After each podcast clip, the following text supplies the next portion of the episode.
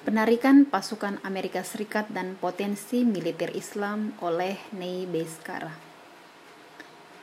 Presiden terpilih Amerika Serikat Joe Biden telah menetapkan untuk menarik sisa pasukan keamanannya yang berjumlah 2.500 personil dari Afghanistan mulai 1 Mei 2021 lalu hingga September mendatang. Meskipun begitu, Amerika Serikat tetap akan mendukung langkah perdamaian antara dua kubu di sana, yakni pemerintah Afghanistan dan Taliban. Selain itu, Amerika Serikat juga menyatakan akan tetap memberikan pelatihan pada militer Afghanistan. Indonesia.com 14 April 2021 namun, kondisi di Afghanistan dan warganya tak jua kunjung baik. Di tengah penarikan pasukan Amerika Serikat, pertempuran terbuka tetap terjadi di sana antara pasukan keamanan Afghanistan dengan milisi Taliban. Penarikan pasukan keamanan ini dibarengi dengan penyerahan basis militer Antonik di wilayah Helmand oleh Amerika Serikat pada pasukan pemerintah Afghanistan. Basis militer ini nantinya akan digunakan sebagai tempat pelatihan bagi pasukan khusus militer pemerintah setempat yang sebelumnya telah dilatih oleh Amerika Serikat dan NATO. Amerika tidak lagi dapat meneruskan mengalirkan sumber daya pada perang yang telah terjadi selama dua dekade tersebut dan mengharap ada perubahan ke arah yang lebih baik terjadi. Setidaknya inilah pernyataan dari Biden yang menjelaskan mengapa ia sebagai pemimpin Amerika harus memutuskan untuk mengembalikan seluruh sisa personil militer Amerika Serikat ke negaranya. Namun, tampaknya tidak semua alasan yang gamblang disampaikan oleh Biden terkait dengan penarikan pasukannya.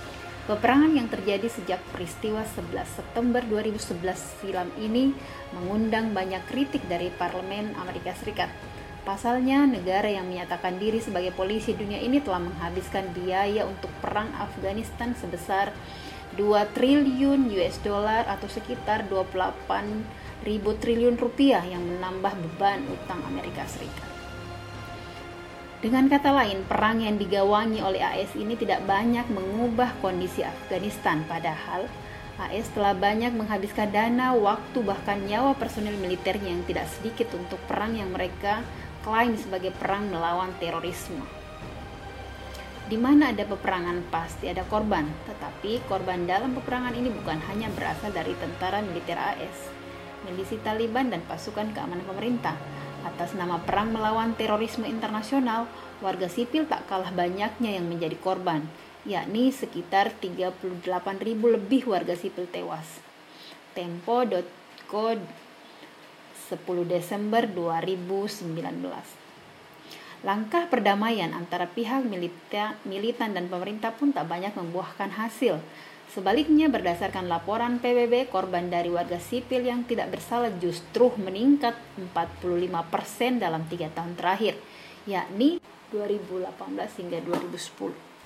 Sebagaimana yang terjadi di Suriah, apa yang terjadi di Afghanistan hari ini adalah peperangan antar sesama saudara muslim. Kaum muslimin di sana berperang satu sama lain. Perang di antara sama mereka membuat kaum muslimin yang berada dalam kondisi yang sudah lemah semakin lemah, bagai buih di lautan. Rasulullah Shallallahu Alaihi Wasallam pernah bersabda terkait hal ini. Nyaris orang-orang kafir menyerbu dan membinasakan kalian, seperti halnya orang-orang yang menyerbu makanan di atas piring. Seseorang berkata, Apakah karena sedikitnya kami waktu itu? Beliau bersabda, bahkan kalian waktu itu banyak sekali, tetapi kamu seperti buih di atas air. Dan Allah mencabut rasa takut musuh-musuhmu terhadap kalian, serta menjangkitkan di dalam hatimu penyakit wahan. Seseorang bertanya, apakah wahan itu? Beliau menjawab, cinta dunia dan takut mati. Hadis riwayat Ahmad Al-Baihaqi Abu Dawud benarlah adanya apa yang disampaikan Rasulullah Shallallahu Alaihi Wasallam. Saat ini kaum muslimin tidak memiliki taring, bargaining position, terpecah belah dan tidak mampu melindungi dirinya sendiri. Padahal kaum muslimin kuat ketika mereka bersatu seperti halnya dahulu kala kaum muslimin memiliki kepemimpinan yang satu untuk seluruh dunia Islam.